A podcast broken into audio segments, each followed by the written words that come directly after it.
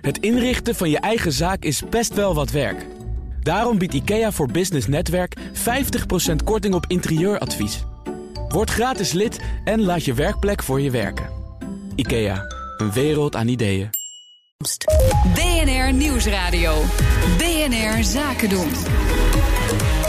Thomas van Zeil. De Tweede Kamer heeft de spoedwet goedgekeurd die de stikstofcrisis moet beteugelen. De volgende orde is de Eerste Kamer. En Sinterklaas is het landtijd, dus tijd voor de kerstversiering. Hoewel, veel etalageruiten waren de afgelopen weken al in kerstsferen gehuld. We gaan het allemaal bespreken met het ondernemerspanel bestaande uit Eduard Schaapman, eigenaar van Tribes, verhuurt flexibele werkplekken. Argo van Brakel, de CEO van het Semco Staal Instituut. En mijn zakenpartner is vandaag Jacqueline Smit, oprichter van Rockport Inc. Welkom allen. We beginnen met jullie uh, belangrijkste nieuws. En Eduard, dat luidt voor jou. Ja, dat, uh, ik moet toch even teruggrijpen op wat er afgelopen week weer is geweerd uh, met staatssecretaris Broekers weer ja, een niet zo goede manier van communicatie. Ik denk dat dat op dit moment toch wel een beetje ontbreekt in de politiek. Die verharding. dat we niet echt meer in de poppetjes van de ogen kunnen kijken.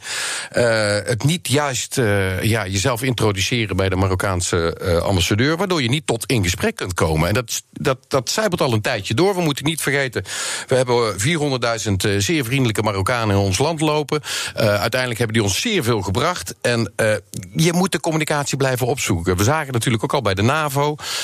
Met inderdaad toch niet zo respectvol omgaan met datgene wat Trump dan zou hebben gedaan. Uh, waarbij een aantal ministers een beetje grinnig grappend naar elkaar ziet lachen. Ja, ik, ik, ik begrijp steeds meer, ondanks dat Wouter Bos net zei dat uh, die altijd op zal komen voor de politieke mensen. Ik wil wel dat we respect hebben voor deze mensen. In mijn tijd, Den L was niet mijn kleur. Den L was niet mijn kleur. Lubbers niet mijn kleur. Waren allemaal niet mijn kleur. Maar ik had respect voor die mensen en wat ze deden.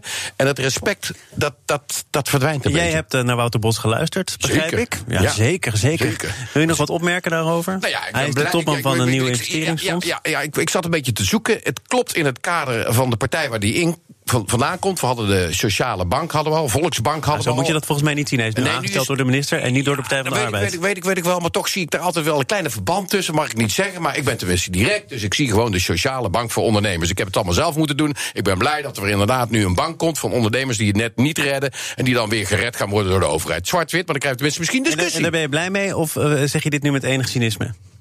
Tuurlijk doe ik dit met enig cynisme, absoluut. Dus je bent er niet blij mee, ondernemers moeten het zelf zien te rooien. En redden ze het Ja, niet, nou ja, het die, de, de echte ondernemers hebben het uiteindelijk ook allemaal zelf gerooid. En als het niet te halen is in Nederland, kun je altijd naar andere landen om daar geld op te halen.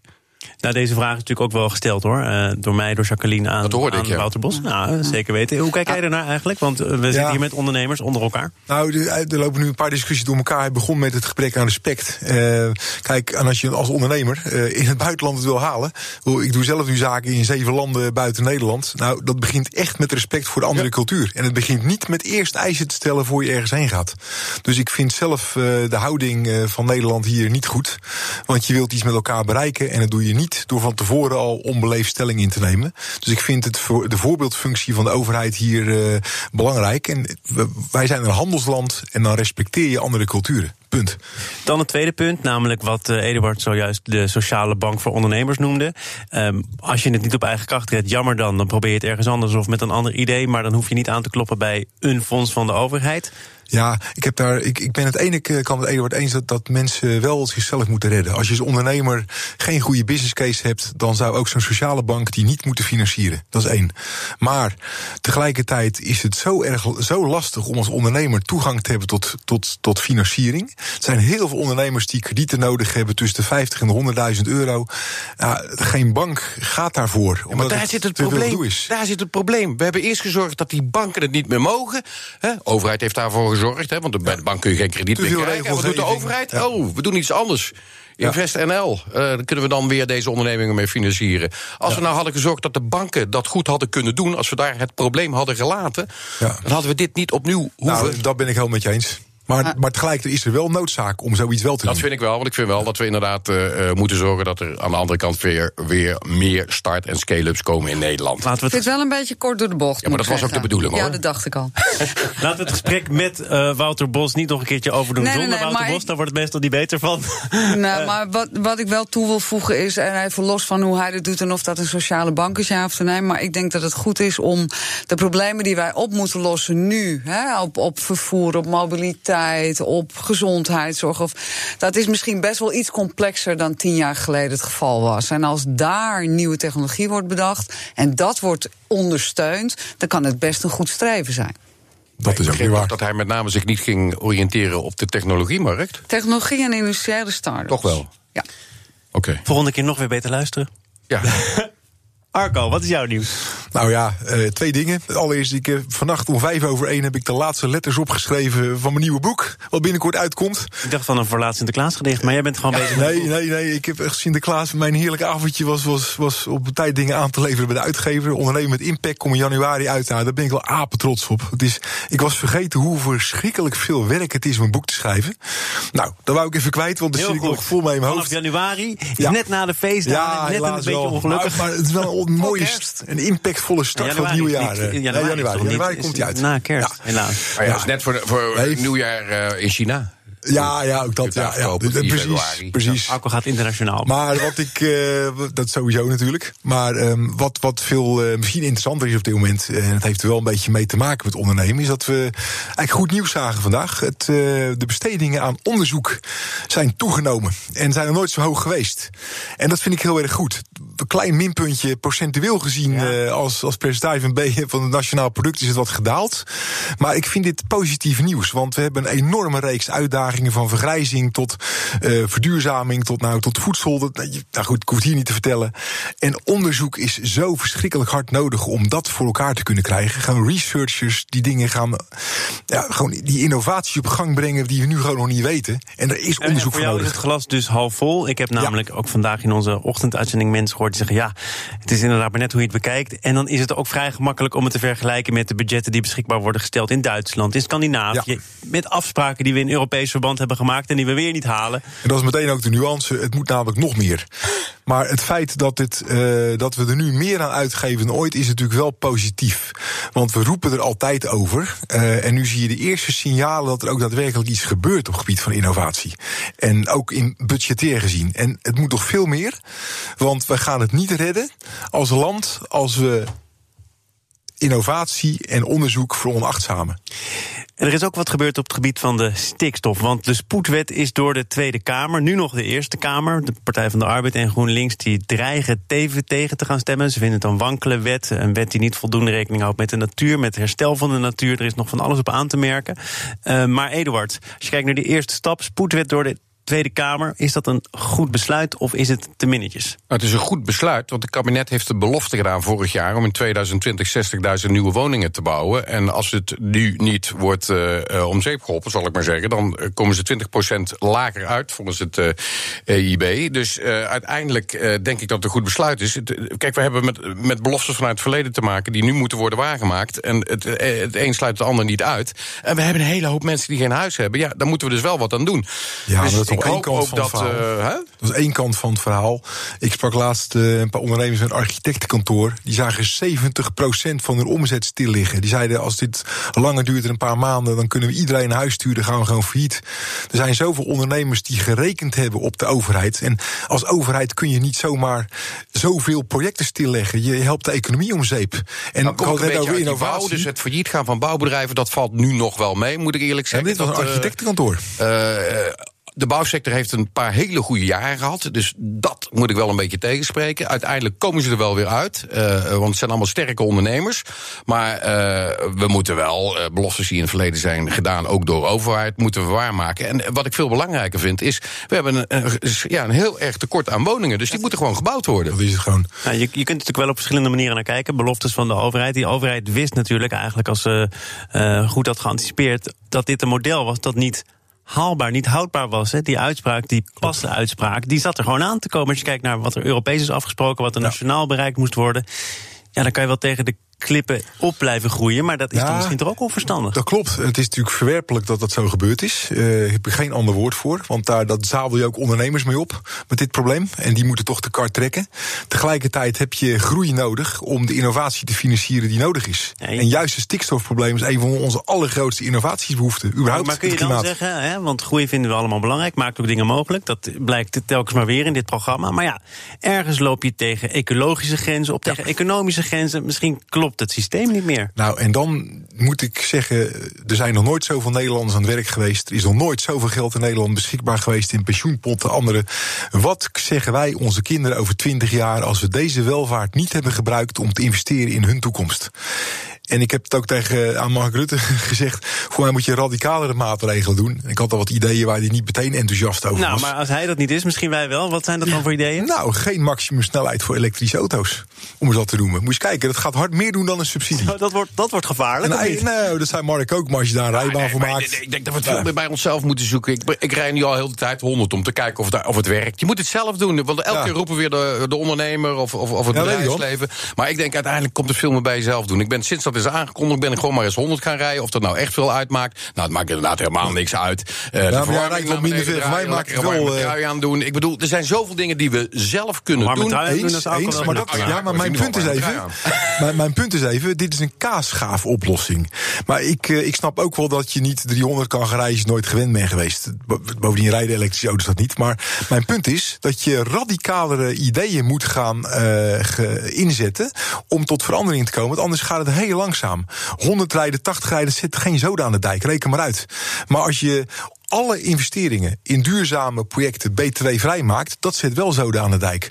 Als je alle mensen die nu werkeloos worden, dat ze hun administratieve banen verdwijnen door robotisering, artificial intelligence, gaat opleiden om zonnepanelen, warmtepompen, windmolens aan te sluiten, dat zet zoden aan Nou, de maar dijk. er is een onderzoek gedaan naar de werkgelegenheid van de energietransitie. Dat eh, laat een gemengd beeld zien, laat ik het maar zo zeggen. Kijk, het levert banen op, maar ergens anders sneuvelen natuurlijk banen. Dus Ja. netto schijnt het effect nog wel mee te vallen. Ja, maar als je 7 miljoen huizen voor 2050.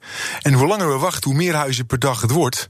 Ik, ik, ik denk echt dat er wel heel veel handjes nodig zijn om het Ja, überhaupt voor elkaar we te hebben 17 krijgen. miljoen inwoners in Nederland. Als we nou allemaal eens nadenken, wat kunnen wij bijdragen als persoon, dan komen we al veel verder. En daar moeten we het in dat eerste ben ik met je instantie eens eens. bij gaan zoeken. En dan inderdaad bij iedereen eh, Jan en Alleman. Wil jij nog wat bijdragen aan Nou het ja, oplossen van het probleem of de discussie? Nou ja, de- wat ik wel eh, mooi vind is als je gewoon denkt van als het arbeidspotentieel hier minder wordt, maar elders tekort is, dat je gewoon eens over elkaars terrein heen kijkt. Ja. Zodat je het gewoon anders kan allokeren en op een nieuwe manier kan kijken. Mijn gevoel is dat er heel vaak vanuit de traditionele manier gekeken wordt. En dit soort oplossingen zijn in ieder geval vanuit een andere hoek. BNR Nieuwsradio. BNR Zaken doen. Het ondernemerspanel is te gast en dat bestaat uit Eduard Schaapman, eigenaar van Tribes, Arco van Brakel, de CEO van het Semco Style Instituut en mijn zakenpartner Jacqueline Smit, oprichter van Rockport Inc. En het is eh, 6 december, dat wil zeggen pakjesavond. Het heerlijk avondje is geweest. Arco heeft het op zijn eigen manier besteed en ingevuld. Maar misschien nog wel een opvatting over het feit dat er voor heel veel retailers niet echt sprake bleek te zijn van een Sinterklaasstemming. Er werd meteen gekozen, ook als je kijkt naar de etalages bijvoorbeeld voor kerst. Wat is de belangrijkste verklaring? Ik, ik, wist, ik wist dat niet, dus ik ben het even gaan vragen. En dan zie je dus wel dat sommige retailers eh, inderdaad ervoor hebben gekozen uit die discussie van die zwarte piet te blijven. Gewoon dat het controversieel is, dan maar gewoon meteen naar kerst. Dat is één. Eh, ja, ik denk dat toch, ik, ik vind dat we dan als volwassenen wel een kinderfeestje om zeep hebben geholpen met z'n allen. En dat is toch jammer, want kinderen maken het namelijk niet uit hoe Piet eruit ziet. Toen directeur van de Baak was, hebben we Smarty Pieten gedaan, weet je wel. eh, blauwe, gele, roze Pieten. Kon dat zomaar? Ja, nee, dat we wilden een voorbeeld daarin zijn. En dan zie je dat die kinderen gewoon helemaal niet uitmaakt. Die roepen gewoon Piet. En die vinden het sowieso leuk. Ja, dus dus het is, die retailers, die, ehm, wat hadden die dan moeten doen wat jou betreft? Hadden die zich hier niks van moeten aantrekken? Of is het heel logisch dat ze een beetje meebewegen op nee, de ik vind als je, als je niet zeker weet of je je klant eh, tegen het hoofd stoot, ja of nee, dan kun je zeker, als je het moeilijk hebt als retailer, beter op zeker gaan. En kerst is, is niet controversieel, dus ik snap hem wel. Ik zou ook geen risico nemen met mijn klanten. Als mensen zich een beetje hadden verdiept, Eduard. Hè? Ja. Was het allemaal niet nodig geweest? Je hebt een blog geschreven, begrijp ik. Ja, gisteren heb ik weer eens een blog geschreven. Want ik ben natuurlijk wel eh, altijd geïnteresseerd in de mensheid. En eh, daar kwam ik inderdaad erachter dat eh, deze Zwarte Piet pas sinds 1850 be- eh, bestaat. En door een Nederlandse kinderboekschrijver is bedacht. Daarvoor was het gewoon een kwaaie pier. Nou, ik denk dat deze Zwarte Piet dan vergankelijk is. En het zal dadelijk een kwaaie heks. Of het, het blijft een sprookje. Dus ik, ik ben toch wel iemand die, die hoopt dat we allemaal agree to disagree kunnen zijn. En als iemand van de Zwarte Piet houdt, prima. En als iemand van iets anders houdt, ook goed. Maar dat we allemaal wel mekaars feestje kunnen En wat blijven. zou jouw ondernemersadvies zijn? Want hier wordt gezegd, ja, als je het niet zeker ik- weet, kies dan maar het zekere voor het Mijn onzekere. ondernemersadvies is volg je ondernemershart. Dat heb ik vandaag ook gedaan. Ik dacht van jongens, het is eh, kerst geweest, of het is Sinterklaas geweest. eh, kerst komt eraan, maar we kunnen vandaag elkaar ook eh, cadeautjes geven. Ik heb voor jullie allemaal een cadeautje meegemaakt. En dat heet We the People. Dus een kalender over eh, inderdaad eh, tribes-achtige stammen, nomadische stammen van over de hele wereld. Ah, het gaat hier van hand tot hand. Het gaat van hand tot hand. En het gaat dus inderdaad om de mensheid. En als wij met elkaar Nou, nou, eens gewoon lekker in die poppetjes van de ogen kijken en zeggen van hé, hey, wat hebben wij met elkaar of wat hebben we niet met elkaar, dan komen we veel verder dan dit soort discussies. Dus kunnen we deze discussie overslaan? We gaan deze discussie bijna overslaan. Mooi. Ik vroeg me nog af hoe we Sinterklaas inmiddels moeten positioneren, Jacqueline, in het andere geweld van overzee, Halloween, Black Friday, Cyber Monday, ja. Sinterklaas. Eh, Nederland is natuurlijk ook een land van expats, van een Ja. internationale Ja. eh, georiënteerde Ja. bevolking. Is dat een belangrijke verklaring misschien?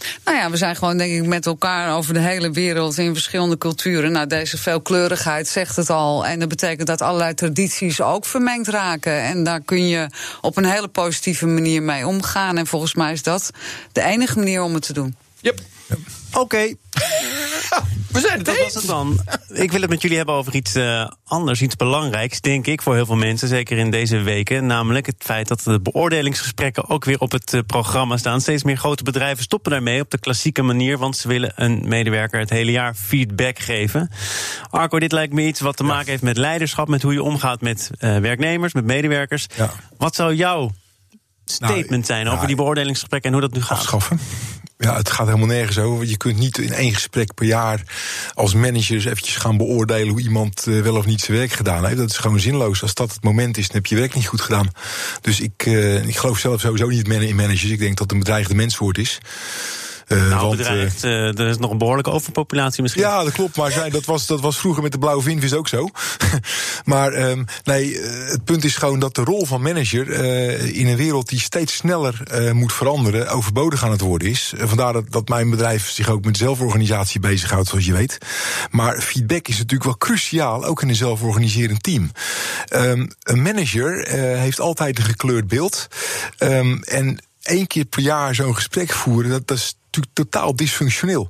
Dus waar het om gaat, is dat je met elkaar voortdurend werkt. Dat je met je teams gewoon voortdurend die feedback loops eh, hebt. Dat je van elkaar weet of je goed bezig bent. En dat weten mensen ook van elkaar. Ik kwam een, een eh, citaat tegen uit een onderzoek uit 1965. Ben Tichelaar schreef erover in NRC.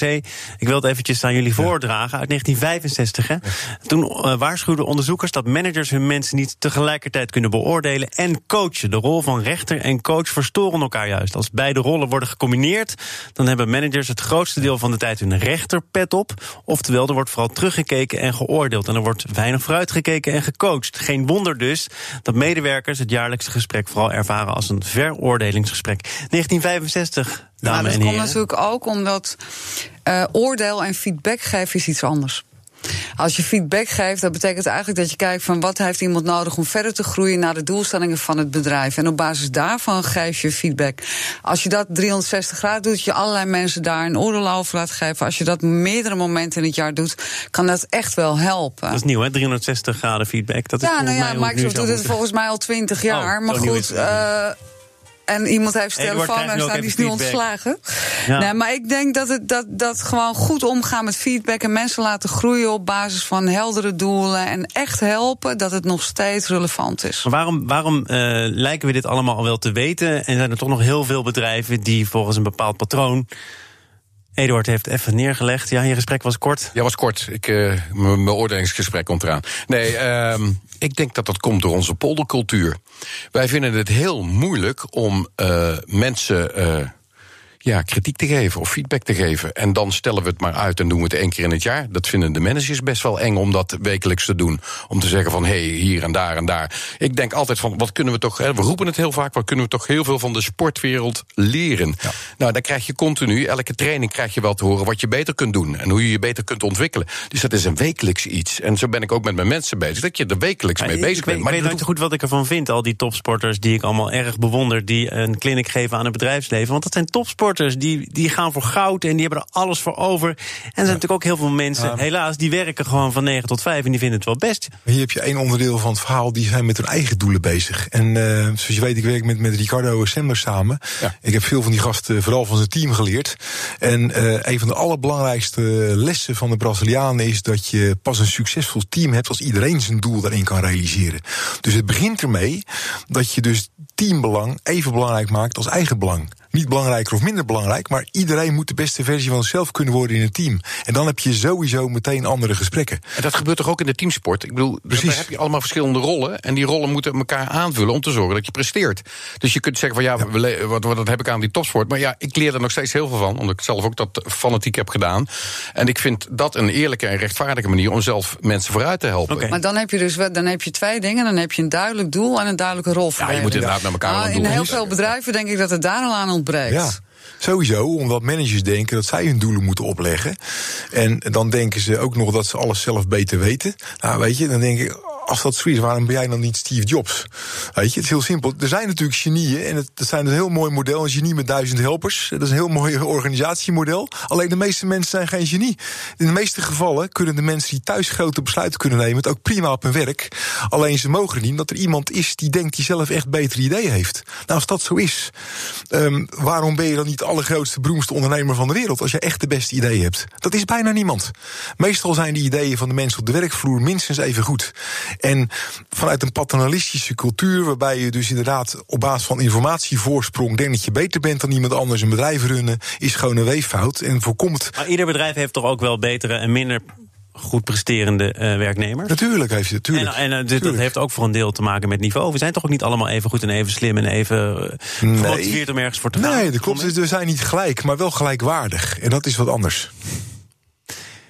Ja, nou, ik oh, denk. Ja, ik, zie die aarzeling, dus ik wilde aanhalen voor een volgende vraag. Maar Jacqueline? Nou ja, ik denk dan dat het inderdaad zo is dat we inderdaad niet allemaal op dezelfde manier presteren in een bepaald bedrijf. En wellicht als je in een ander bedrijf stapt, in een ander team, dat je daar ineens wel uit de verf komt. Hè. Dus het gaat niet over niet goed zijn of wel goed zijn, maar zit je op de juiste plek. Juist, juist. Dus dat is ook weer je eigen beslissing. Ook voor je eigen beslissing, precies. Maar daar kan je elkaar ook in helpen. Want het is namelijk niet goed voor het team als er iemand op de verkeerde plek zit. Dus gaat zo'n team zelf ook oplossingen voor voorzien. Je merkt wel dat Arco hier vaker over nagedacht heeft. Ja, dat, dat hoor ik wel. Ja, ja, ja. Ik, ik luister ook eh, zeer geïnteresseerd. Ja. Stel, je bent een bedrijf, je denkt, ja, we doen het op deze manier, maar op deze manier gaan we het volgend jaar niet meer doen. Waar moet je mee beginnen? Dat beoordelen van die mensen. Ja, ik heb een hele aparte manier daarvan. Ik, ik ga met ze sporten, dus ja, ik weet niet of dat helpt. Maar ik begin inderdaad gewoon altijd uh, met de nou mensen ja, een stukje te sporten. Omdat jij zelf eh, drie keer in de week fietst, denk je van, dan gaan we maar eens een stukje sporten. Ja, dan kan ik het ergens op winnen. Maar goed, nee, ja, goed, waar moet je mee beginnen? Het blijft volgens mij gewoon toch met communicatie. En als, als je dat gestructureerd toch doet, hè, mensen regelmatig ontmoet... en ik doe dat uh, één keer in de week. De mensen die ik aanstuur heb ik één keer in de week overleg mee. De ene keer telefonisch, de andere keer fysiek. Ook omdat dat duurzaam is. Maar ben jij duidelijk de baas in die gesprekken? Even eerlijk? Nou, nee, nee, nee, nee, het ligt eraan met wie ik me voor me heb. Ik heb een marketingteam wat mij ongeveer allemaal oplegt wat ik tegenwoordig moet doen. Uh, en ik vind dat ze daar veel creatiever en beter in zijn geworden dan ik. Dus het, het kan op een gegeven moment ook omdraaien. Dat je mensen om je heen gaat krijgen van je jeetje, inderdaad, daar had ik er niet eens aan gedacht. En dan laat je steeds meer de vrijheid aan, aan, aan je team, omdat je denkt van ja, het komt nu veel beter uit. Het gaat de goede kant op. Weet je wat ook belangrijk is? Af en toe een compliment geven. Ik wil jullie graag complimenteren voor jullie bijdrage aan dit geweldige ondernemerspanel. Eduard Schaapman, eigenaar van Tribes. Arke van Brakel, de CEO van het Semco Staal Instituut. En mijn zakenpartner van vandaag, Jacqueline Smit, oprichter van Rockport Inc. Dank voor jullie aanwezigheid en een heel fijn weekend. Dat zeg ik ook tegen de luisteraars. En die kunnen zich maandag verheugen op een uitgebreid gesprek met Jan Magielsen van ExxonMobil. Eerst is het zometeen tijd voor de nieuwsupdate en daarna Nieuwsroom, onze dagelijkse podcast van het FD en BNR. Veel plezier en een goed weekend. Een kleine update maakt een wereld van verschil. Daarom biedt IKEA voor Business Netwerk gratis snelle interieurtips en ideeën. Word gratis lid en laat je werkplek voor je werken. IKEA, een wereld aan ideeën.